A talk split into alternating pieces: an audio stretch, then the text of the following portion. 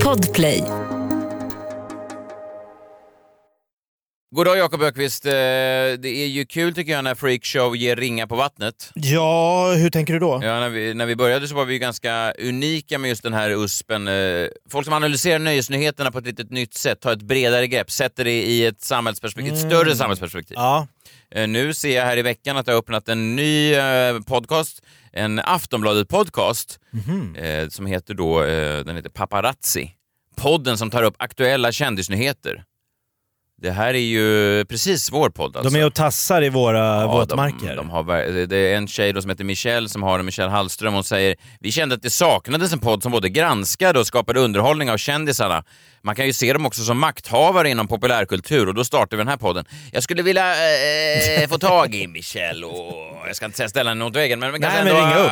Alltså, vad, fan, vad heter det här programmet som eh, Aschberg har? Trolljägarna? Eh, troll... Ska du då ha Ja. ett case där? ja, att jag... Vi, vi har haft Messiah Hallberg med oss och nu ska vi knacka på oss Michelle Ja. Hallström. Ja. Kan inte det vara... Och du är med som bulvan då? Ja, Jag står bakom Aschberg. Vi har också en sån podd! Ja, ja. Jag tror att det kan vara... Det kanske är ett mildare case än vissa andra, men... Det beror på hur man tar det. Det är, du, De söker det är upp, din eh, upplevelse vi ska lyssna Ja, på. exakt. För de söker ju ofta, ofta upp liksom pedofiler och Jo. riktiga så här. Det är ju väldigt grovt, men det här är lite mer lättsamt kanske. Men tänker jag. dock. Ja. Det jag är orolig för är bara om det blir liksom att den här konkurrerar då med oss. De avslutar här får de, eh, frågan i Aftonbladet inför lanseringen. Vilka är era favoritkändisar? Eh, Miley Cyrus säger hennes kollega Max och Mhm. hon själv, Michelle, säger vilka är din eh, kä- favoritkändis? Chrissy Teigen. Så fascinerande. Hon är så ofiltrerat öppen och transparent. Eh, Jakob Ökvist, eh, har du någon favoritkändis? Ja, det har jag. Mm. Ulf Brunnberg gillar jag. Men Då kanske vi skiljer oss lite ändå. Ja, Ja, där just. Live från Stockholm, Sverige. Du lyssnar på Freakshow. Ikväll. Vem är popstjärnan som snuskar sig på badhuset? Mannen, som lär vara ordentligt välhängd, har chockat flera personer. Inte minst på grund av att hans smekande sker helt ogenerat. Carola har provat på livet som vanlis. Ja, det är ju spännande faktiskt att få åka tunnelbana nu. Hur gör man nu då? Kan du visa mig? Alltså, du ska väl ha någon form av kort? Det har inte jag. Jag, jag har inte åkt tunnelbana i Sverige på superlänge. Får man planka eller? Och Messiah listar alla sina kärlekar genom åren. Det du håller på med, det är perverst. Visste du ens vad det var? Nej, jag visste inte, men jag fick ju gå och fråga eh, mamma sen. Vi är live i Freakshow. Vi är en rektaltermometer rakt upp i den ändtarmsöppning som är svensk nöjes och underhållningsindustri. För varje vecka så blir ni fler och fler har jag läst i en undersökning någonstans. Eh, Jakob Ökvist, hur mår du? Ja, freakshow är bara förnamnet. Jag är, eller efternamnet, eller det beror på vad man har för namn. Ja, Men jag, det här är freakshow. Ja. Där är du, Messiah Hallberg. Ja, det- Här är Jakob Ökvist. Ja. Och så har vi med oss en rykande aktuell gäst. Ja, verkligen. Aktuell just nu med sin egen hemsida. Här är han, John Wilander Lambrell. Hej, hej! Hej. Kul att vara här i, i Freakshow. Jag brukar ju annars gästa den här paparazzi-podden som jag tycker är mer, den känns liksom mer... ehm, Uppdaterad. Ja, ja, mer uppdaterad och handlar lite om, ja men bättre med nöjes och sådär. Ja. spaningar Och så. Kul att ha dig här, annars har man dig i Energy Morgon, eh, dagligdags. Eh, Det var ett tag sedan du var här när, när vi hade corona-instängning här, lockdown på Bauer Media där vi spelade in. Då satt du här nästan varje vecka. Ja, de hade låst in mig här. Ja. Alltså, de, de hade tolkat det här lockdown lite annorlunda. Det var inte att man skulle låsa in gästerna. Men det hade de gjort med mig. Lock-in hade vi Lock in, ja. Ja men kul att vara tillbaka. I min prata idag så tänkte jag prata lite om eh, det var ju Adams födelsedag den här veckan. Adam Alsing skulle ju fyllt 52 år den här veckan. Mm. Och ehm, jag gjorde ett- segment med honom på radion för eh, ganska precis ett år sedan. Som faktiskt fick honom att börja gråta. Jaså? Ja, jag rörde honom till tårar. Han var väldigt förtjust i det. Så jag tänkte att jag ska liksom, eh, ja men ska man säga, inte reprisera det, men eh, försöka återskapa det segmentet här eh, lite längre fram. I, i Var det programmet. just tillägnat att han fyllde år? Nej, men det var liksom, jag minns att det var precis den veckan där. Ja. Eh, och att det var, det handlar om kärlek. Ja, det är fint. Jag rankar alla mina livs kärlekar. Oj. Du rankar dina livskärlekar. Jag Och går det in- fick Adam att börja gråta. Ja. Han var väldigt känslig Adam. Ja, Och jag, jag, jag vill också säga att jag gör det väldigt fint. okej. Ja, du har peggat upp det bra Ja. Vi ska gråta då, det är det som är Nej, tanken. jag tror inte ni har samma emotionella bredd som Adam hade. Ursäkta? Jag tror att ni är mer robotar. Adam hade ju känslorna på utsidan. Jo men när du, går- när du säger jag, jag kommer göra det väldigt fint, är inte det som att gå upp på en standup-scen? Hej, jag ska köra lite standup. Jag gör det väldigt kul. Det kommer bli väldigt brukar ju Det roligt. kommer börja bli så. väldigt roligt det jag gör. Jag, jag brukar ju gå upp och säga jag är den bästa i landet. Ja, jo det är sant. Det är ju... Öppna med det. Snacka om att höja ribban för sig själv. Ja, Ja, ja, sitter några ICA-handlare där. Du får vad du vill säga. Jakob Öqvist, vad tänkte du prata med då? Jag har ett eh, litet eh, nöjes... En liten eh, tävling som ni två ska vara deltagare i. Ja, det är bara ni här, vi Ja. har ju ingen publik. Nej, Nej. Inte, tyvärr inte tack vare, på grund av ska vi säga, corona så har vi inte, vår livepublik har försvunnit helt. Ja, men det är en nöjesrubriktävling. Jag tänkte jag läser tre nöjesrubriker Mm. och så ska ni gissa vilken av rubrikerna som mest stämmer överens med den kommande artikeln. Okej, jag tror jag förstår spelreglerna. Ja, jag JVL förstår. förstår, alltså, Ja, jag fattar. I två av fallen så har eh, rubriken ingenting med själva artikeln som kommer sen att göra. Utan det är bara liksom en, en clickbait. Ja, okej. Messiah Hallberg, du har ju jobbat på tidning. Det har jag. Ja, du är ju journalistutbildad. Just, mm, precis. Det är inte alltid, om du skriver en artikel, Ja. Det är inte alltid du som sätter rubriken. Nej, det är sällan. Aldrig Nej, nästan. Ska jag nej, säga. det Det är så redigerar han ofta. Ibland går ju till och med mm, journalisten ut i efterhand när, om det blir en Twitterstorm på någonting. För många idag i, det slötänkta samhället vi lever i läser ju ofta bara en rubrik, sen går man vidare. Och så kanske någon rasar på Twitter, säger att eh, Hanif Bali säger “Vad är det här för jävla rubrik?” Och sen får journalisten gå ut och säga “Men i, i texten står det inte det här. Det är någon eh, rubriksättare som bara vill ha en häftig ingång till...” Det är till fan vad lätt att bara skylla på rubriksättaren Ja, ja, så fort någon börjar kasta skit på en. Verkligen. Vilka är de här rubriksättarna? Ja.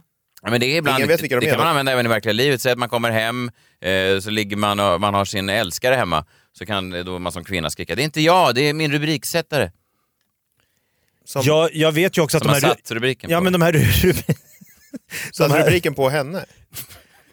Vem som sätter på vem, men alltså... Det De är här- rubriksättaren Det som är har satt alltid bra på att ha mig. rubriksättare i Jaha. ryggen. Och skylla på... Artikeln sen förklarar att det här är inte alls som det ser ut. Nej, jag Du har förstår. bara En sett rubriken. klassisk undanflykt. Men jag har också varit med om när rubriksättare i realtid byter rubrik för att märka att den inte håller. Jag vet, det fick jag göra ofta. Det stod någon så här, radioman jagade tjuvar i området. Det var en artikel om att jag jagade två tjejer som snodde några cyklar. Ja, just det. Du Eh, sa att de snodde cyklar i alla fall. Jag, jag fick för mig att, men det kanske var deras. Det Ja, ja, Men då märkte jag att... Du jagade, du jagade två tjejer jag i jagade kvarteret. två tjejer i kvarteret, Ja. det blev, och rubriksättaren satte helt fel. Nej men då märkte jag att eh, det höll inte för att du vet, en, en, en artikel som folk inte klickar så mycket på, den, försvin- den sjunker Ganska ju. snabbt sjunker den. Ja, Ja, ja. Han var långt. Man får, sk- vad fan tog, var inte jag med i tidningen idag tänkte jag. Vad ersätter de det med då? då? Ah, något helt annat. Sen var det liksom vild panik i villaområdet. Eh, något så här. och då var det en bild på mig och så hade de någon bild, gammal bild och så var det med lite andra kändisar som liksom spiceade upp det här. Och då klättrade jag igen. Grys kompis jagade tjejer Han som i- står bredvid Gry jagar tjejer på kvällarna. Eh, men, Ja, jag tror jag förstår eh, reglerna. ja. nu när jag förklarat det så tydligt. Ja, verkligen. Det här kan bli en tv-show. Ja, det, har du varit uppe på... Det känns som att dina prator, antingen landar de i en Att story... inte jag fick jobbet som Ica-Ulf. Ja, eller så, eller så landar det i att jag säger Har du varit uppe med, på SVT med den här programidén? Och det Vi får se vilket det blir. Vi får se vilket det blir. Prins Daniels heta killträff med den unge stjärnan. Får ni ligga och bubbla lite. Ja. Mm. Eh, nytt raseri mot Malou von Sivers efter TV4-skandalen. Eller då, känd popstjärna onanerar på badhus. Ja. Då är det alltså en av de här är, är ganska då, eh, ja det är ganska rakt upp och ner vad som har hänt. Eh, de är rätt tydliga. Det, det är typ det som har skett eh, som står i rubriken. Två, nah, jag tycker rubriksättaren, vem det nu än är, vi Ja, vet ju inte. nej. Men den har tagit i från tårna. Okej. Och, och vad... En vad ska bort. av de här rubrikerna? Nej, en... Eh, hur fan var det nu jag tänkte den här leken? Ja. Jo, jo, jo, nu vet jag. En är sann. Eller en är, eh, rubriken håller om man läser artikeln. Två, så är rubriken, märker man, nej, det var nog inte riktigt så. Ja, okej. Så känd popstjärna som onanerar i badhus, då ska det, då ska det vara Då ska att varit Måns. Zelmerlöw onanerade i Åkeshovs Ja, för annars är simhall. det ju bara så, om en, en, han har glömt sina badbyxor. Ja, just det. Och var med i Idol 2006. Ja, men jag gissar på att den stämmer. Hur, ska, hur kan man sätta en rubrik på känd popstjärna onanerar i badhus på något annat än om det handlar om det? Ja, det är sant. Den känns direkt. Den känns som att om man, om man eh, läser rubriken, klickar in och så står det ingenting om en onanerande popstjärna så blir man gravt besviken. Jag tror att det skulle vara en av mina största besvikelser i år. ja. Och då har det ändå varit ett ganska ett år fullt av besvikelser. Ja, det måste man, 2020 som Ja, många Men det skriver. här kan toppa allt. Prins Daniels heta killträff med unga stjärnan, eh, är ni inte... Tror vad fan är en killträff? Det är väl det här då. egentligen. Det är man Är sitter det här i podcaststudio och Fast jag har aldrig pratar. sagt jag ska på en killträff när jag ska hit. Nej, det är bara att göra. Du säger till paparazzi-redaktionen, jag ska, på en, jag ska podda med ett annat gäng. Ja, men jag ska podda med Sveriges hetaste nöjespoddare. Ja men nytt raseri mot Malou von Sivers efter TV4-skandalen. Ja men det kan ju vara vad som, alltså raseri kan ju vara liksom vad som helst. TV4-skandalen kan också vara lite vad Klassisk som helst. eh, kvällstidningsundersökning var väl eh, på 90-talet någon gång att, att ordet folkstorm som var väldigt populärt då på rubriker, det användes tror jag om det var, säg att över fem personer hade hört av sig. Då var det svenska folket rasar i en Då folkstorm. blev det liksom en, arti- Ja. en löpsedel i Ja, Expressen Ja, folkstorm. m- mot Lorry. ja men eh, prins, eh, så här är det, prins Daniels heta killträff med unge stjärnan det är då en mysig stund tillsammans, bara killar emellan. Nu visar det sig att prins Daniel har en riktig soft spot för höjdhoppsstjärnan Armand Duplantis. Kungligheten föll pladask under en spännande och diskret hanterad träff med den unga Adonisen. Ja, De har spelat golf ihop i somras. Ja. Jaha, men det var en diskret arrangerad träff, låter ju, det låter ju som en killträff. ja, det gör det. Det är en Ja, men det här är ju ingressen. Ja, jag förstår. Sen när man börjar läsa så är det bara att de var ute och spelade golf på Öland i somras. Och vad var rubriken igen?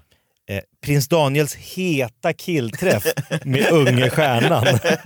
Ja, Ja, det den jag är- fäller den, jag ja, fäller den. Ja, den, Ja. den ryker i, i granskningsnämnden. Eh, Malou von Sivers, eh, där är det mer att det har kommit in, hon har ha- gjort en eh, trailer där hon säger Malou von Sivers, programmet där folk får prata till punkt.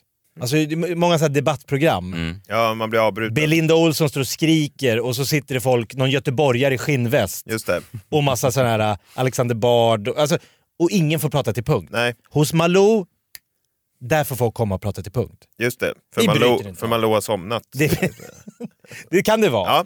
Men då har det varit så att på Facebook har folk skrivit “du ljuger, du avbryter visst folk”. Ah, det var De har en liksom, backfire. det är är farligt arga. att göra, ja, Ja, farligt att göra en trailer där du lovar något. Ja, verkligen. Sen håller man inte det. Eh, Okej. Eh, men rubriken var? Eh, vad fan tog den vägen?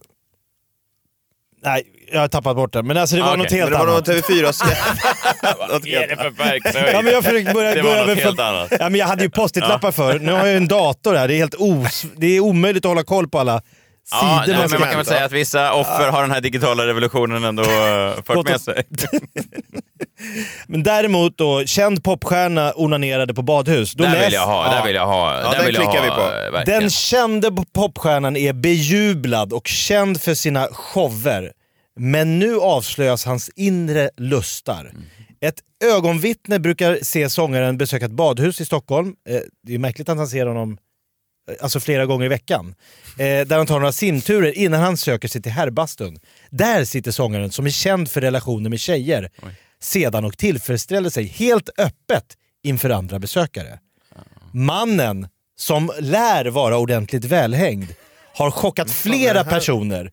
Inte minst på grund av, hans, att, på grund av att hans smekande sker helt ogenerat.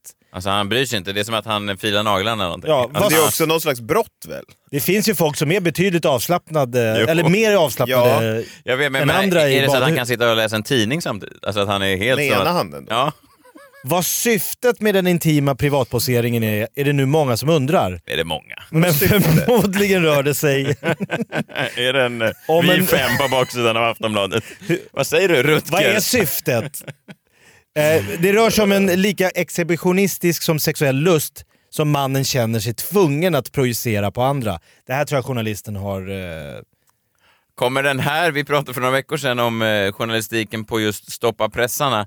Eh, Känner du igen någon- Jag, jag undrar om det är samma reporter som har skrivit den här. Det låter Daniel Nylenskt. Stoppa pressarna, jag Ja, misstänkte att det var... det var alla tre. då. Eh, Outade de vilken popstjärna det var då? Nej, det är det som är så märkligt att de inte gör det. Eh, jag vet också att eh, de, de, han pratar om pressetik också, det gjorde vi när vi Mm. tog upp den här tidigare, att han skrev nu i en ny artikel om Måns Zelmerlöw och Paus heta nätter. Då sa han eh, Stoppa pressen har valt av, på grund av pressetiska skäl inte avslöja vilken typ av sexuella aktiviteter det var som Pau och eh, Måns Zelmerlöw eh, hänförde sig till. Ja.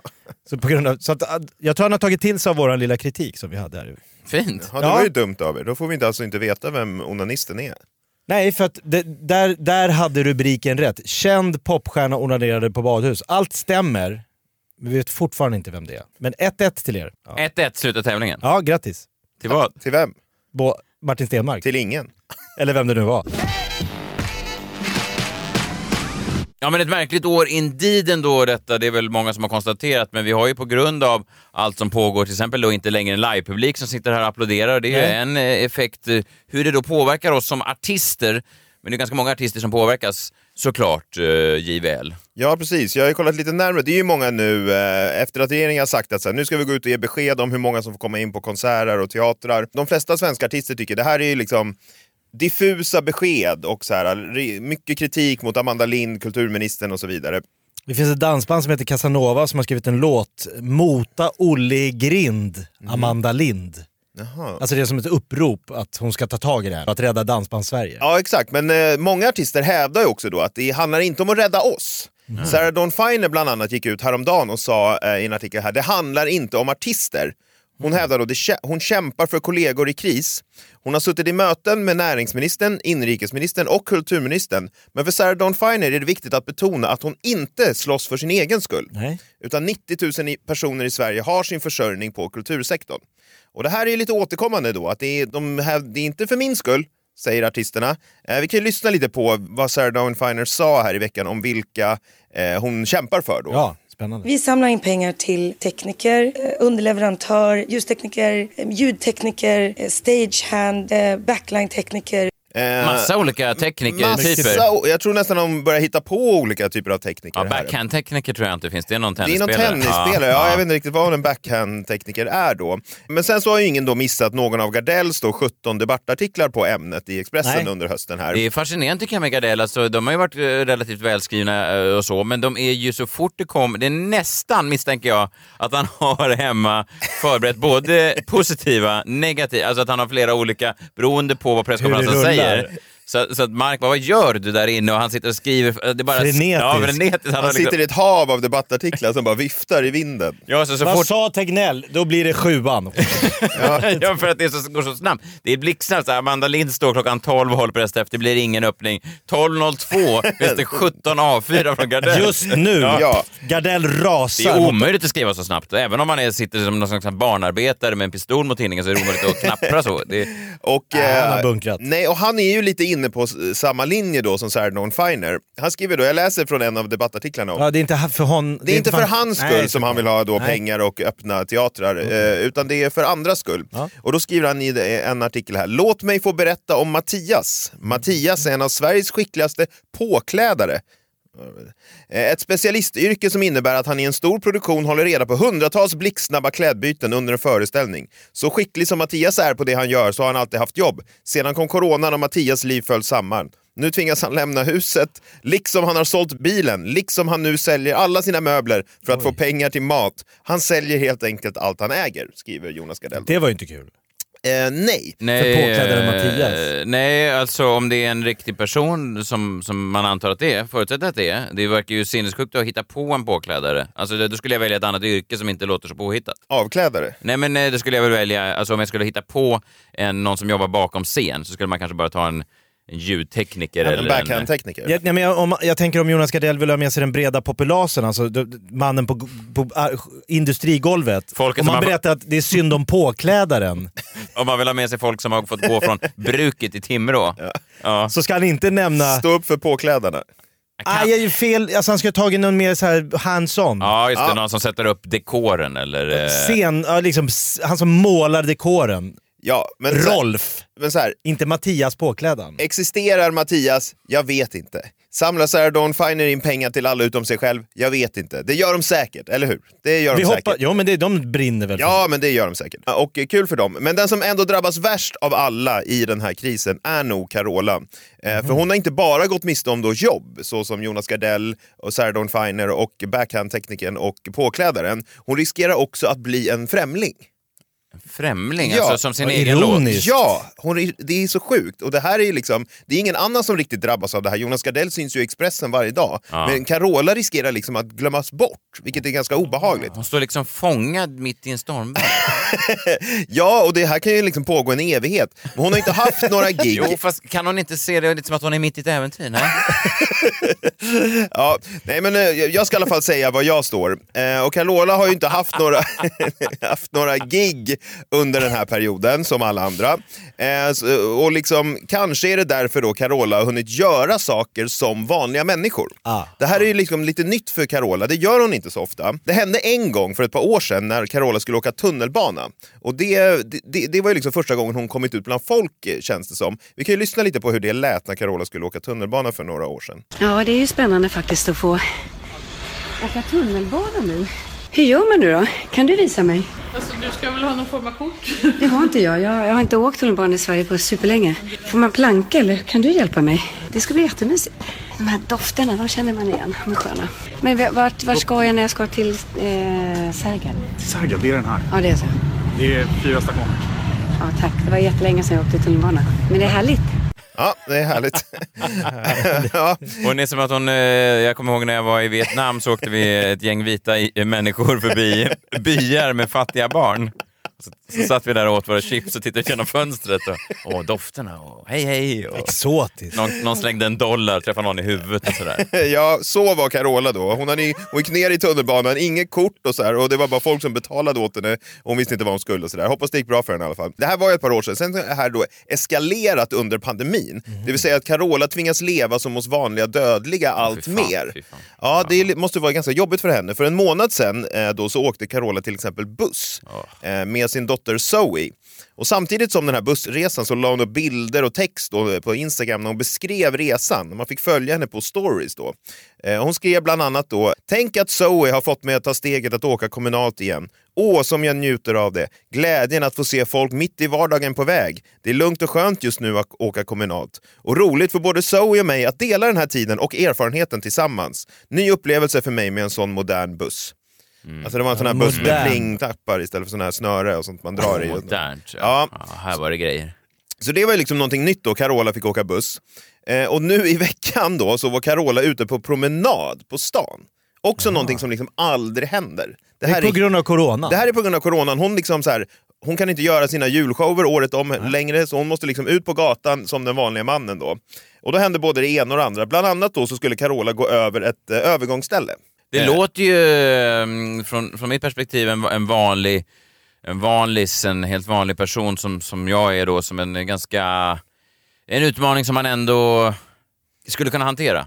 Ja, det kan jag tycka. Ja, men vi är ju vanliga då, vi upplever ju övergångsställen ganska ofta, men Carola vill ju undvika att bli påkörd då när hon går över övergångsstället. Ja, det är ju det- liksom en, lite av en utmaning. Ja, men det som är bra då är att det finns ju system uppbyggda för det, alltså trafikljus och sådär. Mm. Eh, Men det är inte lätt då om man inte varit ute bland vanlisar på länge. Vi lyssnar hur det gick för Carola då. Nu ska vi se här så man inte blir överkörd av bilarna. Hur som helst, eh, var ju inte jag så laglig. gick jag på röd gubbe. Det blir spännande att se om jag kommer fram. Ja, Hon Det är gick mot, direkt mot röd gubbe. Ja, hon har, Ah, visste ju inte då att röd gubbe, då stannar man. Just. Och sen grön gubbe går man då. Så det är spännande att se om hon kom, kom fram då över övergångsstället. Ja, man är 50 procent där när man chansar. Exakt. Sen så ska Carola gå till en park då. Eh, Rålambshovsparken här i Stockholm. Eh, men hon lyckas istället hamna på en bro. Eh, vi lyssnar hur det kan ha gått till. Ju äldre man blir så känner man också att man... Nej men nu hamnar jag... Jag vill inte gå här uppe. Jag vill gå nere på Rålambshovparken. Hur kommer jag ner dit? Eh, det Man hamnar fel. Man ska Ja. ju eh, måla upp bilden om man inte varit där. Rålambshovsparken är en, en, en stor park i centrala Stockholm Mm. och så går det som eh, en, en bro ovanför den. Liksom. Och det är där Carola av någon händelse då har hamnat. ja, och blir väldigt förvirrad då, för hon skulle ju någon annanstans. Eh, men oroa er inte, Carola hittar ner till slut till en sån här då... Eh, vad, vad kallas det nu för något? Det var härligt. Nu kommer man ner i en sån här schysst park. Ja, till en sån här schysst park. Men det är kul att hon får uppleva en park då. Verkligen. Eh, det är ju ganska ovanligt då, men det kanske konstigaste och ovanligaste av, av allt på den här Man får verkligen uppleva livet på nytt. Ja, precis. Men Hon, hon verkar ju också lite stressad över det och samtidigt som hon verkar tycka att det är lite kittlande. Men sen händer då tyvärr någonting som gör att hon kanske tycker att det här var lite obehagligt trots allt. För Carola väljer att stanna och prata med en av oss vanliga vanlisar då. Jaha, mitt Eh, i steget. Ja, och då visar det sig då, han vet inte vem hon är. Vad sa du? Han vet inte ens vem hon är. Är det möjligt? Nej, det är ju det som är, och Carola tycker ju att det här verkar ju konstigt då, för hon träffar då honom utanför en butik och han, den här mannen då verkar tro att Carola jobbar i butiken. Värsta förolämpning. verkligen. Vi lyssnar här hur det Det är lät. en riktigt bra butik. Brukar du vara här? Du har firma? Brukar du handla? Ja, du jobbar här? Nej, jag jobbar inte här. Eh, Jag har varit på möte borta där i Bonnierhuset. Ja. Ja. Jag har mycket fin lokal. Mycket fin. Ja, du har en fin lokal där ja. Okej. Ja, Jag satte mig bara och tog en liten eh, paus där. Så glömde jag min rygga. Ha det gott, hej. Underbart. You didn't know that I was a singer. A singer. I didn't didn't know that I was a singer. Men han det är visste också, inte att hon var en sångerska. då. också att hon var ju tvungen att påtala för den här mannen som uppenbarligen pratar eh, rätt knagglig svenska. Jag var där borta i Bonnierhuset Ja. så att han ska bara ah! Ja, hon var ju på ett möte i Bonnierhuset, Jo, men inte vad inte på någon smutsig butik. Han skit- han skiter väl att hon har varit i Ja, Bonnierhuset. och också roligt att hon går därifrån säger hon underbart. Alltså, det var så underbart. Hon bjuder att, på den. Hon bjuder på den bara. Jag minns ett tv-program som hette Ballar och stål där en karaktär hette Messiah Hallberg. Och var, gick var ju det verkligen en karaktär? Ja, nej, det var, eller om det var du. Ja. Någon var det. Ja. Han gick runt och förutsatte att alla skulle känna igen honom för att han har varit med i tv. Aha. Och det var väldigt få som gjorde men det, det känns som att det här är lite samma... Ja precis, men det här är ju inte något tv-program utan Carola går ju runt här på stan i verkliga livet då. Eh, och han visste ju inte att hon var en sångerska då, underbart. Och det här kan man ju tänka sig, det kanske inte är så farligt att en kille utanför en butik då, en smutsig butik, alltså inte utanför Bonnierhuset då, utan utanför en smutsig butik, inte kände igen henne. Men det är bara början, för sen så behöver Carola då, helt plötsligt, efter 37 år, mitt under den här pandemin, ett ID-kort. Ja, hur känns det här nu då? Nu busar vi lite. Nu är vi på passenheten. Vi visar ju ingenting annat än att här, här fanns det varken det ena eller det andra på Heggis. Men det var ju tur. Hoppas vi får ordning på passet här och legitimation kan ju vara bra att ha. Alltså en sån där vanlig ID-kort. Det har jag inte behövt i 37 år. Jag, jag tar och sjunger Främling istället. Ja, hon sjunger Främling istället. Det är så Carola identifierar sig på stan de senaste 37 åren. Men nu går inte det längre. Tidigare har hon alltså då behövt sjunga Främling för att identifiera sig, men den här pandemin har gjort att Carola behöver ett ID-kort för att kunna visa vem hon är. Kanske blir det här ett nytt ämne för någon av Jonas Gardells debattartiklar. Också en, en, en, mörk bild man ser när hon ska strax kliva på planet till Aten och så hör man bara Säg mig och säg Ja. Jaha, att det är gångbart i hela Europa. Hela... Och hur gammal är damen som ska in här på restaurangen? Främling. Vad döljer du för mig? Okej, kom in då. Jämförelsevis med påklädda Mattias som har sålt hus, hem, bil för att Mm. ha råd med mat. Så kan det vara okej att visa lägget istället för att sjunga Främling. Ja, men förstår vad ett ID-kort kostar? Och Ja, köerna på den här passenheten och så. här. Det är synd om Carola. Det är ett lidande.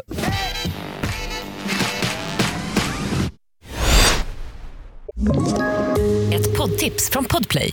I podden Något Kaiko garanterar östgötarna Brutti och jag, Davva, dig en stor dos skratt. Där följer jag pladask för köttätandet igen. Man är lite som en jävla vampyr. Man har fått lite blodsmak och då måste man ha mer. Udda spaningar, fängslande anekdoter och en och annan arg rant. Jag måste ha mitt kaffe på morgonen för annars är jag ingen trevlig människa. Då är du ingen trevlig människa, punkt. Något Kaiko, hör du på Podplay. Därför är gardinerna. Ja, men jag tänkte då försöka återskapa det här som jag gjorde med Adam eh, när vi eh, gjorde radio ihop. Eh, mm, Vi hade ett segment då där vi skulle välja ut lite musik. Vi skulle välja låtar, vi skulle spela dem och så skulle man ha en liten historia kring dem och då var temat för den morgonen kärlek. Och då listade jag helt enkelt alla mina kärlekar genom historien. Alltså från den första barnsliga första gångs kärleken till eh, min nuvarande relation och så gick jag igenom all, all sorg och smärta däremellan. Var det, med, var det mest glädje eller sorg? Nej, men du kan väl få avgöra det själv. Ja. Eh, Det började ganska hårt direkt. Jag började... Jag börjar nu då. Ja, du, oj, du börjar Nu nu? börjar det. Ja, nu börjar det. Utan att säga något. Det här är en eh, tjej som även du vet vem det är, eh, JVL. Eh, John och jag, vi lärde känna varandra när vi gick i i Karlbergsskolan i centrala Stockholm. Det var en, en lågstadieskola. Jag var åtta år när jag lärde känna John och eh, ungefär vid den tiden så blev vi båda förälskade. Jag tror ganska många blev förälskade i en eh, tjej som hette Cecilia. Hon var otroligt, eh, hon var otroligt vacker. Jag, jag, jag, jag, minns, ni, jag vet inte om ni minns den där första kärleken, den där kärleken som var, den var väl ännu inte sexuell ska man säga. Alltså, man hade ju inte kommit till puberteten. Så det var, Det var väl, något annat. Ja, det var någonting annat. Det var fjärilar i bröstet. Man ville bara... Man, jag visste ju heller inte hur man skulle prata med... Jag visste knappt hur man pratade med, med någon. Så att jag, man, Ännu mindre Cecilia. Nej, tjejer. Jag minns att jag dejtade ganska många tjejer. Eller man var ihop som man sa då på den tiden. Man var ihop med många tjejer. Ja, dejta sa man ju kanske Nej, det sa man inte. Men man, man, man fick, hade chans på massa tjejer. Men jag minns inte. Jag Man gjorde ju pratade, ingenting nej, jag pratade inte med någon av dem. Överhuvudtaget. Det var väldigt platonskt förhållande. Ja, det var det. Men Cecilia var då den här tjejen som alla ville ha och jag, jag minns att jag, för att liksom få henne så brukar jag ringa henne på kvällarna sådär. Strax efter Bolibompa eller vad man tittar på. Så brukade jag bara ringa, för man fick ju klasslistan med alla nummer så jag slog in 08 och så ringde jag och, och eh, när, när hon svarade så, så brukade jag inte säga någonting. Jag fick eh, tunghäfta, det blev så nervöst. Det för mycket, Ja, jag var så kär och jag, jag kunde inte prata med någon så att jag, jag, jag bara... Hon sa hej, jag heter Cecilia. Och jag sa... "Mm." Nej. Oj, Vad du obehagligt. alltid fick fram. Ja, och sen la jag på. Ah. Sen, sen la jag på. Och det här pågick kanske i någon vecka eller någonting. ja. Sen eh, på måndagen då så eh, ringer jag igen. Så svarar, svaras det i telefonen. Hej, det här är Helena, det här är Cecilias mamma som svarar. Är det du ifrån klassen igen? Va? Du har ringt hit nu varje dag i förra veckan och vet du vad? Det du håller på med och ringa och stöna i telefonluren till min dotter, det är ett brott, ska du veta. Åh nej. Och jag säger bara, Åh, Du fortsätter. fortsätter stöna. ja men jag har inget annat att tillgå! Än stönet. Nej, Varför kunde du stönet, det menar- stöna så ung? Jag menar kunde inte bryta brottets bana. Nej, det var inte ett stön, det var ju mer en förvirrad pojke som inte visste vad jag skulle säga. Det var ju inte ett erotiskt... Ja, men det låter ju det. Jo, alltså. jag, jo, jag vet. Så hon säger, det är ett brott du håller på med. Jag säger, "Ah." Och så säger hon, och jag kommer aldrig glömma det här när jag, när jag är nio år gammal tvingas utstå det här. Hon säger, det du håller på med, det är perverst. Visste du ens vad det var? Nej, jag visste inte, men jag fick ju gå och fråga eh, mamma sen. Mamma, vad är perverst? Varför undrar du det? Det är tydligen någonting som jag är. Det sa Cecilias mamma. Mamma är pervers. Åh gud. Men redan då förstod jag att det här med kärlek, det var Det svårt. Det var svårt. Det var någonting som eh, man ville åt för man förstod att det var något magiskt men man visste inte riktigt hur man skulle komma åt det eller ens hur man skulle kunna prata om det. Come sail your ships around me and burn your bridges down. We make a little history, baby. Every time you come around. Come loose your dogs upon me and let your hair hang down. You are a little mystery to me. Every time you call. Sen var det eh, Hanna. Hanna, nu var jag lite... Var du äldre då? Ja, då var jag äldre. Då var jag... eh, Ja, det var här var jag någonstans 12 år. Jag hade precis... Femman, eh, sexan här. Ja, kommit i puberteten. Det var väl i, i sexan egentligen och, och nu började det bli mer en... Eh, ska man säga? Det känns ju nästan absurt att prata om när man eh, ser sig själv som barn. Man ser bilder på sig själv i- vid den här åldern så var man ju, ett- man var ju ett barn. Men man börjar ju komma... Det börjar ju finnas någon slags sexuella tankar i alla fall. Alltså man vill göra andra grejer än bara ringa och stöna i telefonen. Ja, det hade kommit från det oskuldsfulla, Oskuldsfulla barndomskärleksuttrycket av kärlek. Utan nu var du redo för tyngre grejer. Ja, ja, det, är, det är bra att du börjar i den änden i alla fall. Alltså, ja. Nej men det var, man, man bara kände i kroppen, man visste inte vad det var. Jag minns någon lektion vi satt och, och, och lekte med varandras fötter under bänken. Eh, vi hade någon slags fotbrottning. Och, och jag minns Du bara, och Hanna? Ja, och jag minns bara att det kändes otroligt kittlande. Det var, eh, ja men du vet första gången som man upplever den här, någon slags sexuell... Ett footjob. Ja, fast med andra foten då. Ja, just det. Alltså Men, två fötter som... Ele- men något elektriskt? Ja, exakt. Och man hade aldrig upplevt det, så man visste, Nej. inte, vad- man visste bara att det här var jäkla härligt. Det här var ju på tiden också, jag hade precis fått MTV. Eh, vad är det nu? Nej. Jag hade precis fått MTV och en låt som spelades om och om igen, det var ju Spice Girls från To Become One. Och eh, det här var ju också en oskuldsfull tid, man hade ju aldrig sett porr eller någonting, så att minsta kvinna som dök upp på ens TV som man tyckte var lite attraktiv. Spice Girls var ju här i, i, i lindan av sin karriär, de har precis börjat ta över världen, den första skivan, och de dök upp alla de här fem tjejerna. Man tyckte ju de var väldigt söta. Jag var ju 12 år gammal och man tyckte att de här var jäkligt... De, de sjöng det var bra. de någonting som hände ja, i de, dig. Ja, verkligen. Så det här var ju någon slags soundtrack till den här perioden också. Och jag, jag var ihop med Hanna redan i fyran. Ja, det var ett långt förhållande. Ja, men eh, sen hade, gjorde hon slut då när femman började för att eh, hon var en av de här tjejerna som jag hade fått chans på. Och sen pratade jag inte med henne på ett halvår. Och sen kom hon fram en dag i femman och sa, vet du vad, jag vill göra slut. Och jag sa, men, men, men varför? Vi har hon det ju sa, så bra. Vi har ju inte pratat med varandra på eh, ett halvår. Och jag sa, nej men varför vill du göra slut? Det var ju den längsta konversationen. Ja, det var det. Under det förhållandet. Ja, så gjorde de slut. Och sen blev jag då olyckligt kär i henne och jag försökte hitta sätt för att komma åt henne. Och jag tänkte ibland att nu tror jag att hon, nu tror jag att hon vill, eh, nu tror jag att hon vill kanske ha mig. Alltså. En gång så blev vi magiskt utvalda i en stor tombola i eh, klassrummet. Det var två elever som skulle få åka iväg och cykla med polisen på sånt här eh, cykeltest, här, trafikcykelpolis. Du vet, vad, Ja. du vet vad jag menar? Man skulle testa olika balansövningar. inblick i det gamla Sverige Ja. här. Jag har precis fått MTV och cyklande poliser. Och, ja, vad fan, ja. Ja, och då, då tänkte jag försöka, eh, vi hade varsin eh, cykel, jag tror vi till och med fick två varsin ny cykel då som ett pris för att vi vann det här, Hanna och jag. Och då hade Jag det är inte, det är inte slumpen. Nej, exakt inte slumpen. Och eh, för att förstärka det så kom jag på att jag ville, jag hade precis lärt mig det här med sexy talk. Oj. Sexigt snack. Och då sa jag att... Har du lärt dig det? Nej, men det, det MTV. Nej, men då, Spice Girls. Ja, eh, då fick vi varsin cykel och, en, en kvinnocykel går ju ner, eh, den här eh, pinnen i mitten. Den går ju ner. Ja. Medan en, en, en manscykel då klassiskt har ju, har ju kvar stången där i mitten. Som Där en, pungen kan landa. Ja, exakt. Och då kommer jag ihåg att jag gick fram till Hanna när vi stod där framför cykelpolisen och sa att det är så sjukt va, för att det ser ut så här med kill och tjejcyklar för att killar får ju ont av att få stänger mellan benen. Tjejer älskar ju att- att få stänger uppkörda. Nej. Oj. Och så stönade du efter det. Nej men, nej men och hon... Tjejer älskar Nej, ja, jag kanske... eh, Alltså, Få stänger nej, men jag vet, nej, men jag menar... Nej, men du försökte bara komma ja, med något. Jag Ja. försökte, alltså, jag försökte, Ringde hennes mamma dig sen? Nej, men, Nästa nej, men jag, mamma. Jag minns bara att, att jag sa, jag minns den här meningen att jag, att jag, hade, jag hade kommit på det här briljanta när jag sa cyklarna. tänkte jag, hur ska jag föra in det här på en liten... Alltså en, en, en, Så att det pirrar till. Ja, exakt. Och då tänkte jag att det här med järn och cyklar och stänger var liksom Ja, en, det- en... Fast så här i efterhand så Men du låter var det... 12 år, du ja, får jag vet. ursäkta. Ja, ja, Ja, ja, du är ja, ursäktad ja, ja, ja, jag tänker det. I alla fall, sen så försökte jag då få till det här samtalet, det här slutgiltiga. För jag, man kan ju ibland försöka läsa mellan raderna, är hon kär i mig, är hon inte kär i mig? Så då skickade jag John, han som sitter där. Ja, du fick Ja. agera wingman. Ja. Jag minns det väl. Är det sant? Ja. Ja, eh, vi... Eh, vi Nämnde du då att du hade dragit stångtricket?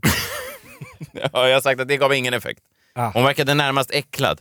Ja. Tror jag det. Eh, så vi eh, tog oss hem till henne en dag eh, utanför. Vi tog oss inte in till henne, utan vi ringde på och så sa eh, John då att... Du skickade upp John? Ja, men han eh, sa då att eh, han vill gärna prata med dig. Han vill gärna prata med dig här imorgon på fredag. Han har en grej han vill fråga dig. En grej? På fritidsgården efter skolan skulle han vilja prata med dig. Och hon sa jaha. Ja. Och sen då dagen därpå var jag väldigt nervöst. Eh, hon hade på sig någon sån här lite stickad mysig tröja. Och jag var väldigt nervös. Jag vågade knappt titta henne i, i ögonen. Det gjorde jag inte så mycket. Det tycker jag fortfarande är ganska jobbigt. pop the question. Ja, men jag ska, det jag ska fråga är... Eller jag har... Jag, jag, det är ju egentligen, det var jag innan jag var journalist, men jag visste då att man ska, en öppen fråga. Alltså inte för... 12 år, Ja. komma med en öppen fråga. Ja. Du ville sätta rubriksättaren, fick sätta rubriken sen. Ja. Vad blev det för rubrik? Nej men eh, så att eh, John eh, sen då dagen på på fritidsgården, Birkagården, eh, sätter upp det här. Jag sitter vid ett bord med tänt, jag har tänt ett litet ljus, en sån här liten Shit vad värmeljus. Ja, och så kommer hon dit, Hanna, hon är jättevacker och så sitter hon där och jag säger så här, hej Hanna, vad kul att du kunde komma idag. Eh, jag har bara en fråga till dig. Ställer jag upp. Rakt på sak? Ja. Men den är öppen då. Jag säger, är det någon? Det antyder och för sig. Alltså jag tycker att jag ändå är tydlig här. Jag säger, är det någon i skolan som du är lite kär i? Och hon tittar på mig och ler. Så, och jag säger, ja, ja det är det. Det är faktiskt. Det är, det är en kille som jag är lite kär i. Och, och, ja, nu känns det ju bra såklart. Nu känns det fantastiskt. Och eh, så säger, säger jag, och, och, vem är, och vem är det då? Alltså jag spelar ju dum liksom. Och hon säger, ja det är ju, det är ju Peter Hjelm i 6B. Nej. Han är ju så himla grym på innebandy. Finner du det? Och jag sa, vad, vad, vad sa du? Peter Hjelm. Och sen så bara sa, sa hon, har du några fler frågor? Jag sa, nej tack det är bra. Jag har fått svar på de frågor jag hade. Det var bara den. Och så gick hon ner då för trappan och fortsatte spela innebandy och jag minns hur jag gick hem och jag var för första gången i mitt liv helt förkrossad. Jag kommer ihåg att jag stod i mitt badrum och, och såg mig själv i spegeln och... och Ville vara Peter Hjelm. Ja, ville vara då Peter Hjelm med sin lilla sån Per Gessle-frisyr. Och eh, nej, men sen så eh, blev det inget mer med Hanna. Vi började olika skolor i högstadiet och nej, hon flyttade sen till eh, New York och jag tror hon blev jurist och hon är nu med ihop, eh, gift med en kille som heter Jeff. Så jag menar, vem blev vinnaren i det racet? Nej, det var du. Ja, det var jag. Eh, och sen... Ja, Jeff blev väl vinnare. Ja, och sen jag var... Framförallt inte Peter Hjelm. Sen så var jag ju i New York, jag hyrde en lägenhet där några veckor för tio år sedan och då drömde jag väldigt mycket om Hanna. Eh, Så mycket som att jag var övertygad om, eh, nästan varje natt hade jag en återkommande dröm, att, att jag eh, åkte till hennes sån studio apartment i Brooklyn som var väldigt så här rustik, liksom, väldigt mycket betong och, och att vi hade en affär där, att det var en sån konstnärsvåning. Jeff var inte hemma. Nej, Jeff var inte med i drömmarna. Och det var så verkligt och påtagligt att när jag sen återvände hem då till min, min flickvän i, i Stockholm så hade jag skamkänslor i hela kroppen. För jag var övertygad om att jag och han hade haft en affär i New York. I Brooklyn. Och det här satt i mitt huvud säkert ett år innan jag sådär ett år senare försökte eh, eh, verkligen... eh, Så det jag här- har här inte gjort sjukt. något. Nej, exakt. Jag fick dissekera det här. Nej men vad fan, vad är, det, vad, vad är det ens jag tänker mig? Jag har ju inte smugit ut i natten. Åh, den där affären i New York. Nej, det var ingen affär. Nej, så att då gick det upp för mig. Det- Jag har aldrig sett Hanna sen Men vi vilka sa hej starka då. känslor hon har framkallat. Ja, verkligen. Men, men aldrig egentligen starkare känslor än, än den där eh, dagen i november eh, 1996 när hon avslöjade att hon var kär i Peter Hjelm och jag kom tända hem. ljuset. Och så slog jag på MTV och så kände jag mig ensammast i världen.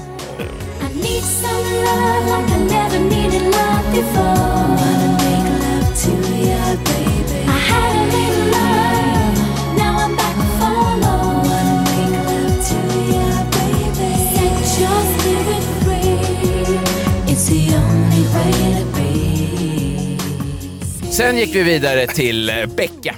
Åh, det här var min stora eh, tonårskärlek. Nu var jag väl 17 år när jag träffade Becka. Hon, eh, jag har nämnt henne tidigare här i podden. Hon var en väldigt sexuell person. Alltså tidigt in i, i en sexuell person. Jag var väl, ska jag säga, jag var inte oskuld, men jag, var inte, jag skulle inte beskriva mig själv som en sexuell person. Skolans hingst. Nej, det var jag inte. Eh, Kanske mitt eget... Beskriver du dig idag som en sexuell person? Ja, det gör jag nog. En översexuell person. Men, men inte då. Okej. Ja, men, men det var inte... Jag var, redan stönade i tvåan. Ja, det så att fanns sexuella mo- mammor fick höra av sig. Och... De gjorde ju någon utredning Ja, och det-. Ja. Nej men i, i, idag vet ni hur det är, då får, man ju, får jag hålla eh, kvinnorna borta som herrelösa hundar när jag är ute. Jag får vifta med benet så, här. Men då... Så var det inte då. Nej, så var det inte då. Men, men hon var en väldigt sexuell eh, person. Hon var fantastisk. Jag var, direkt så hade hon, hon hade en väldigt härlig humor. Hon, hon skilde sig från många... eh, Var hon fräck? Ja, det var hon. Många eh, tjejer som jag träffade då i tonåren fick jag en upplevelse av att de, de skulle försöka vara så eh, eh, charmiga hela tiden, gulliga. Alltså de skulle vara, det var väl en, eh, en produkt av patriarkatet kanske, att det var så Ja. tjejer skulle vara. Men hon bröt med det där, hon var fräck. Hon kunde liksom dra eh, grova skämt, hon kunde prata om... Dra en bra skit. Nej, nej, nej. Bara öppet. Nej, nej, nej, nej, nej, nej. Dra i fingret. Nej, inte Nej, så. Det är inte, inte så. det är inte någon clown från Göteborg, utan hon är... Ja, men hon var härlig. Men hon var... eh, Det som... eh, Vi ofta hamnade i säng bredvid varandra och hon visste ju att jag var kär i henne. Ja. Men vi hade egentligen inte sex vid den här tidpunkten. Utan, Trots att hon var översexuell. Exakt. Ja, det, här var en del Det av det här var en del av frustrationen. Ja, det måste jag- Ja, för För en att, 17-årig kropp. Ja, exakt. Hon var ju väldigt tydlig med att hon hade inga... Hon var, skämdes inte för sin sexualitet. Och varför skulle hon göra det? Nej. Det enda är när man är väldigt kär i någon och så ligger man bredvid någon som berättar om det så blir det lite... Jag kan tycka i efterhand kanske att hon lekte lite med mina känslor där och då. Men det var fine, det får man väl göra. Så att till exempel när hon kom hem från semestern i Grekland, hon var alltid i Grekland med sin pappa på sommaren, så var det så här, jag frågade, ja, hur var... Hur var semestern? Hon sa, vi börjar på Amorgos, den här ön. Jag sa, hur var Amorgos? Hon sa, ja men det var med Det var med Georgios på husvagnscampingen. Det var Georgios där, han tog mig där på husvagnscamping. Det berättar hon helt öppet. Ja, i sängen bredvid mig. Och jag sa åh. Georgios. Och sen då, sen, sen vad tog semestern vägen sen? Så, sen blev det Paros. Jag sa, åh, det låter underbart. Paros. Och då sa ja där träffade jag Panos. Panos. Panos på Paros. Ja, Panos, hon, eh, hon, ja Panos, vi låg med varandra. I, det fanns en dusch där på campingen. Och där, där hade vi sex. Så här revy. Och där eh, låg jag. Mm, ja, Paros. Ja. Och sen sa jag, var det slut, slut sen? Hon sa, nej där eh, åkte jag vidare sen. Jag och pappa, vi tog eh, båten vidare till Korfu. Och så sa jag, Korfu, du behöver... Ja, det var Kristus. Kristus på Korfu. Ja. En riktig öluff. alltså. Ja, och så sa hon, jag vet, minns att hon återkom hela tiden till det, vad fint att vi kan ha den här härliga öppna vänskapsrelationen, den här öppna Där man sexhistorien. inte behöver liksom... ja. Kärlek och sex förstör inget. Nej, nej, utan eh, att vi bara kan ligga här och berätta de här sexuella historierna för varandra. Jag kan Nära. Ja, jag kan ligga här och berätta om de här killarna som jag har legat med. lyssnar. Och jag, eh, ja, kanske inte berättar så mycket om sex, men jag lyssnar och jag känner, åh vad härligt det Det var här vad hon behövde. Det är friendzone, eh, långt in i zonen. Ja, det får man ändå säga. Så jag fick ligga där och lyssna på den här eh, erotiska novellen från Grekland med den här flickan som jag älskade och höra hennes historia om hur olika sexuella äventyr då utspelar sig med de här grekiska gudarna. Och, och man såg ju framför sig, ja men vad fan, det här var ju liksom januari. Man såg framför sig när hon berättade sandstränder, du vet. Lite äldre, vältränade, mörkhåriga torsos. Jag var 17 år, det var januari, iskallt. Jag hade fnasiga läppar fulla med Lepsyl, blek hud. Jag kände mig så långt ifrån Amorgos. Och Giorgio. Och Panos. Och Panos på Och Christos. Paros. Och Kristus också. Ja. De hade dig. Ja, och jag, jag minns att jag var så otroligt kär. Jag brukar, när hon gick hem så brukade jag ligga och, och dofta på kudden efter hennes parfym. Hon hade den här blåa Ralph Lauren, Ralph. Och den där, eh, fortfarande idag... När Den gillar du fortfarande? Ja, jag vet. Ja, ibland när jag kan stå på en, ibland gång, jag kan stå på en konsert. Doftminnet tar ju aldrig slut. Alltså. Ibland när jag står på en konsert så kan det vara någon tjej eh, någonstans i närheten som går förbi och så kan jag, då får jag flashbacks då till mitt eh, 17-18-åriga jag. Du längtar till Grekland. En gång var jag på en villafest i, i Solna utanför Stockholm och eh, då var det samma sak lite som med Hanna att jag eh, till slut så får man ju nog. Till slut, blir man ju, till slut ställer man ju frågan, men du, nu ligger vi ändå bredvid varandra här och tittar på film och kanske håller hand ibland och sådär. Eh, bredvid varandra. Är det så att du har blivit lite För hon var tydlig i början. Jag är inte kär i dig. Och jag sa, nej det vet jag. Jag tycker bara det är mysigt att ligga här och hålla hand och dofta på kudden och gråta när du går. Och sen så, sa jag, så sa jag, jag var ganska full så till slut så fick jag ner henne där i, någon, i något rum och jag, va? Nej men alltså vi var ensamma i ett rum. Alltså, jag drog inte ner henne i ett rum, men hon, vi var ensamma i ett rum. På var den här ingen. Fritzl-grej, Nej, nej verkligen inte. Ändå så hade jag byggt en bunker och... Du vet hur fort det går. ja. Nej men eh, så var hon, eh, så var hon där och så sa jag, ja vad, vad, är det så att du har blivit lite kär i mig så kan du gärna säga ja nu. Och hon sa, nej det har tyvärr inte hänt. Och jag minns bara att äh, rummet började snurra, inte bara av spriten utan av att man, man kände bara hur allt äh, föll ihop, hela ens äh, värld föll ihop. Så jag tog bara min rock och gick rakt ut i en smällkall februarikväll och så gick jag då, för jag bodde på andra sidan Solnabron och jag har aldrig någonsin, eh, varken förr eller senare, tänkt på att ta livet av mig. Men, när där jag- och då, det men när jag- liksom fi, alltså, men när jag gick eh, de där, det är en ganska kort bro, men när jag gick de där metrarna över bron så tänkte jag eh, i några sekunder, gud nu gör jag slut på det. Nu hoppar jag.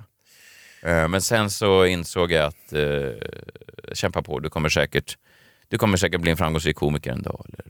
Ja, du kände det? Ja.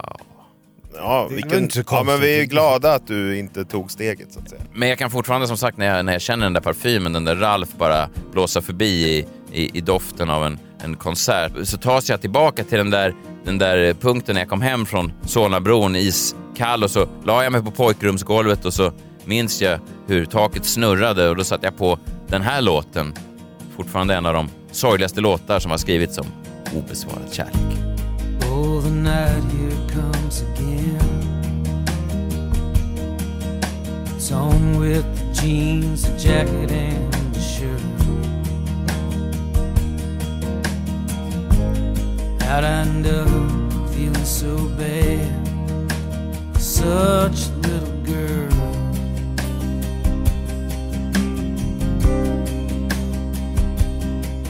And I hold you close of my mind. Feels so good, but damn, it makes me hurt.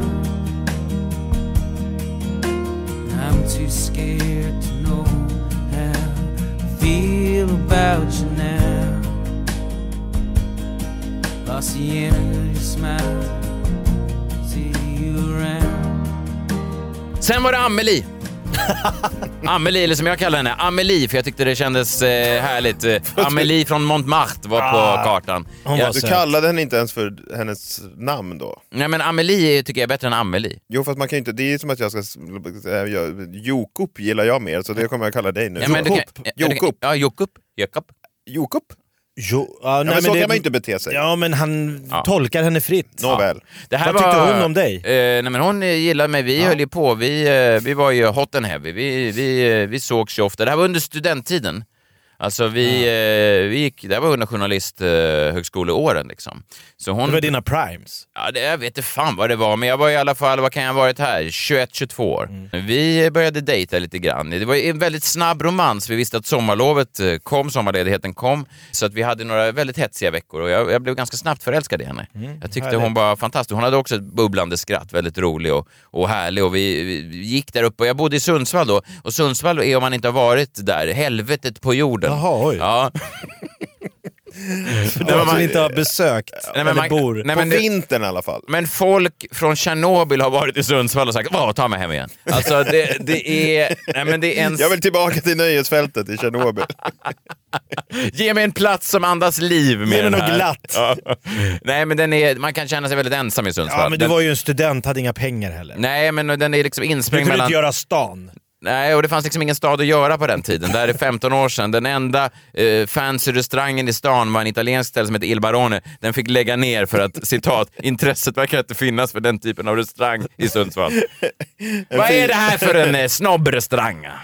Ja, i alla fall. Så att jag blev väldigt snabbt knuten till den här Amelie eh, och eh, nu gjorde jag igen, Amelie. Och eh, jag var väldigt kär. Sen gick sommarlovet och jag försökte återigen fiska. Jag sa, åh, kan det bli något? Vi visste inte, det var fram och tillbaka. Vi, vi var intima, men vi var liksom inte, hon var inte, vi var inte ihop. Hon ville hålla det öppet. Förstår du? Jaha, fast till och med där. Ja, eh, så, så sen då, efter sommarlovet, så var det vips. Min obesvarade kärlek, min olyckliga kärlek bara försvann i en eh, handvändning. Nej. Jo, för att jag såg henne komma in eh, första dagen då efter sommaruppehållet och då hade hon under sommaren Skaffa pojkvän. skaffat ännu värre. Värre. Skaffat dread, Barn. dreadlocks.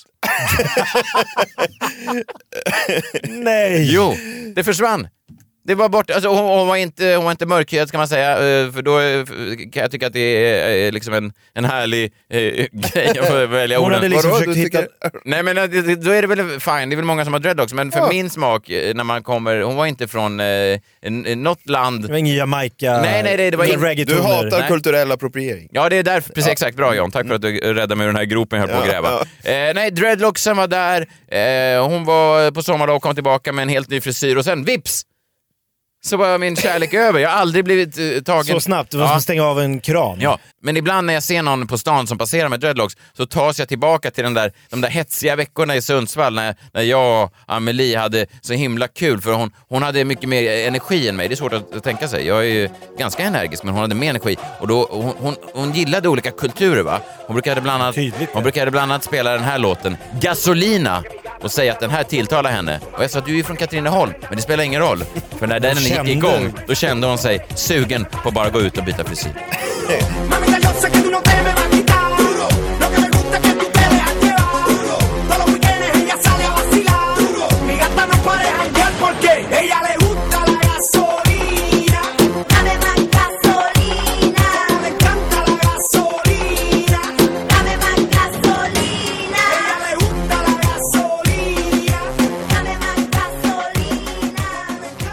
Och sen är vi då framme vid eh, min, eh, ja, min, nu- min nuvarande relation. Som, eh, ja, vi, har väl, vi har väl egentligen gjort allt, bockat av allt på, på, på kartan som man ska göra. Liksom. Vi har ju varit eh, intima.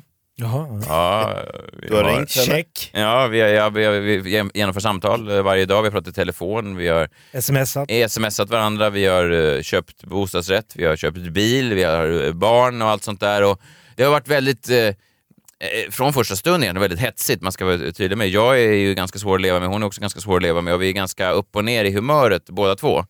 Det är liksom inte... Det är som en Fellini-film. Ja, men jag vet, John, du brukar ofta beskriva att du eh, aldrig i stort sett har liksom öppna konflikter med dina partners. Nej, inte sådär äh, skrikande äh, bråk. Nej, Inte smälla i dörrar. aldrig det. Rusa, i, dö- rusa iväg, säga det här, det här var sista gången din jävla knäppskalle. Nej, all... nej, och sen all... öppnar dörren och säger nej jag bara skojar. Ja, nej så. jag är inte Peter Dalle, så nej. Nej, eh, men, eh, men det har vi, alltså det har varit, ja men du vet, det har varit upp och ner lite som alla relationer. Men Man tjafsar, man säger någonting, någon tar ett av barnen och eh, hotar med att eh, de aldrig ska få träffa dem igen. Alltså ni vet som relationer är. Klassisk kärlek. Ja, klassisk kärlek, upp och ner. Och så har det alltid varit och, och, och, och det fina är ju, många pratar om så här make-up sex, det har jag aldrig riktigt förstått, just att man, man är så intensivt eh, ilskna på varandra. på varandra, Ja, så och sen så ju övergår det i sex. Det, det, det, det har jag egentligen aldrig gett mig så mycket. Däremot så älskar jag de här stunderna när man först är, man har aldrig tyckt så illa om någon i hela sitt liv, men sen så plötsligt så bara skingras de svarta molnen och så plötsligt så förstår man om man påminns om varför man älskar varandra så mycket ändå. Det blir som en sån, det blir som, en sån härlig, naturlig höghet eh, b- b- på livet det där. Att, och det är så intressant när de där molnen bara skingras och så plötsligt så är det hela kroppen. Man kan inte riktigt förklara det, men det bara känns i hela kroppen att just det, så är det. Det var det här ja, ja. det är skrivet i stjärnorna att det, att det är vi. Och ehm, jag kommer aldrig glömma, vi hade haft en sån här, ehm, vi skulle gå ut, vi var på eh, Gotland, vi var utanför Visby, det var en sommar för tio år sedan och eh, vi hade haft ett sånt där hemskt bråk som gjorde att hela vår middag, hela vår planerade middag var Ja, men den var förstörd. Alltså, vi, hade, vi var tvungna att gå på en... Eh, vi har ju vänner och släktingar som bor på Gotland, så vi var tvungna att gå ut och äta middag med dem och sådär. Och eh, det var, de är väldigt förtjusta i lamm på Gotland. Ja, det är bästa de vet. Ja, kom till oss och ät ett stort grillat lamm. Så hänger ofta ett, ett lamm och så får man ta och det är de väldigt förtjusta i. Ja, de är kvar och, där. och det brukar vara trevligt, eh, men just när man är arga på varandra, jag vet inte Jakob om du någonsin varit ute med din fru, om, om det har varit liksom lite tjafs och så måste man ändå gå ut och göra någonting. Det kan ju ibland bli lite spänt. Det är lite spelat. Ja, Man får låtsas vara tre, i stunden och trevlig. Ja, och vi är inte ens där. Alltså min fru, hon stänger av helt. Alltså hon Aha. låtsas inte ens, hon tittar inte ens på mig. Nej, okej, så det är inget spelat Det är inget par? spelat. Nej. men det är alltså så, om, om andra sitter vid bordet så kan de skära i stämningen med en kniv. Alltså, och jag vet att det, det, det är ett uttryck, men här kan man alltså använda lammkniven för att skära i stämningen. Ja, så Oj, pass. vilken Det- trevlig middag för de andra. Nej men det är det ju inte. Du har ju sagt ibland någon gång John att eh, ibland när man kommer hem till oss Mm. så, så kan du direkt när du kliver in i lägenheten känna en isande vind som eh, på vägen i Sagan om ringen när man får tag i den här Färska ringen, en frusen känsla i kroppen. Ja, det, det känns som att man går in, alltså man tänker på den här Winter is coming. Det kommer en jävla Game of Thrones Gå över den där muren. Ja, jag har lärt mig att bara gå därifrån. Ja. Ja, du vänder då? Ja, jag vänder. Ja, men vi är väldigt bra på att skapa den här stämningen och, och, och, och det, är- det är så synd för man, det är sommar och det är varmt och det är högsommar och man tänker att nu skulle det kunna vara så härligt och det borde vara härligt. För Det att ser alla, ut så. Så Ah, ser det ja, vykort. alla ingredienser är här men invändigt så känner man bara den här eh, tomheten och ilskan och, och, och, och, och kylan. Då. Frustrationen. Frustrationen. Ja. Så vi äter upp, eh, vi tar med oss, vi har ett barn vid, vid, vid den här tidpunkten och så sätter vi henne där bak och sen så eh, startar vi vår, eh, vår bil och vi kör genom, eh, det börjar skymma lite grann, det är ganska sent, så kör vi över de här vackra eh, gotländska vägarna och så eh, går en låt på på radion bara. Och det är eh, en, eh, en liveversion med Bruce Springsteen. Och eh, jag kan inte riktigt förklara det men vi är tysta, vi tittar rakt fram, jag kör bilen, min fru sitter bredvid, men så på något sätt, jag kan inte, fortfarande till dags dato kan jag inte förklara det, men någonstans så eh, hör vi sången och förenas i att vi tycker den här sången är så bra och på något sätt känns som oss där och då.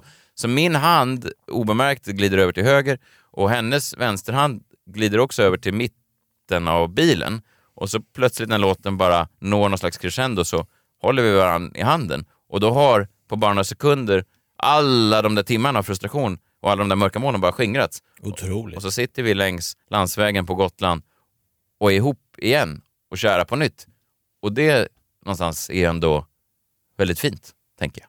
Det är Det ändå... var musiken som bröt magin. Jag vet inte Eller vad- skapade magin. Jag vet inte vad som hände, men det var, det var någonting och jag, jag, jag, jag tänker att eh, det, där är, det där är... Man vill uppleva det där fler gånger i livet. Hoppas att vi har kunnat ge er några sådana magiska ögonblick här ikväll i Freakshow. Det, det tror jag. Ja, det tror jag också. Tack för att ni har lyssnat. Vi hörs nästa fredag, va? Det är klart vi gör. Ja. Det här gör vi om. Ta hand om er. Ha det bra. Hej! Hej! Hej. Put on your best dress, baby Darling, fix your hair up right Cause there's a party, honey Way down beneath the neon lights all day You're walking that hard line Not tonight, you're gonna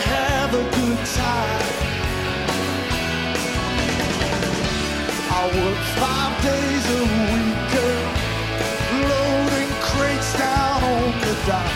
I take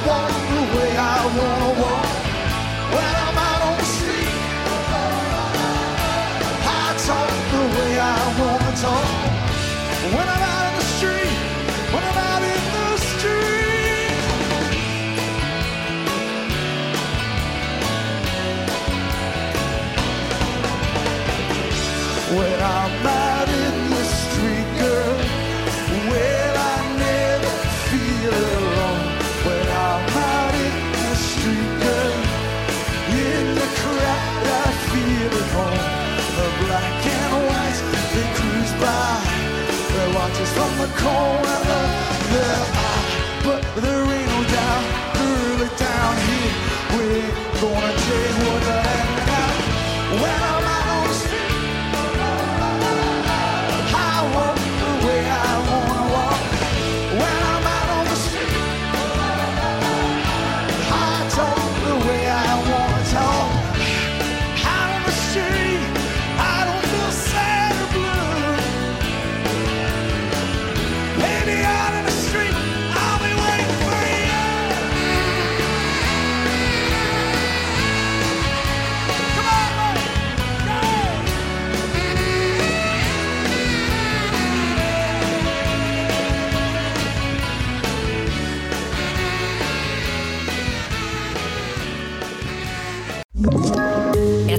Poddtips från Podplay.